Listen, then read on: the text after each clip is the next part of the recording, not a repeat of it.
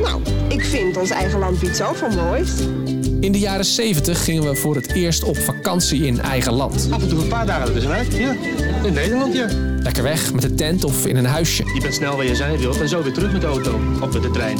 Inmiddels zijn we zo'n 50 jaar verder en telt Nederland meer dan 5000 vakantieparken. Iets meer dan 300 daarvan liggen in de provincie Overijssel. Fietsen, wandelen, ook wel eens een bungalow gehuurd. Ook in Overijssel is het op de meeste parken goed toeven.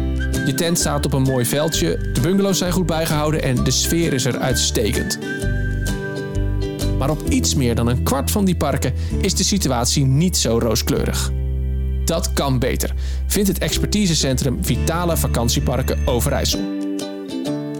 Mijn naam is Segert van der Linden en in deze serie ga ik in gesprek met deskundigen over de toekomst van vakantieparken in Overijssel. Hoe kun je als lokale overheid invloed hebben op de vakantieparken in jouw gemeente?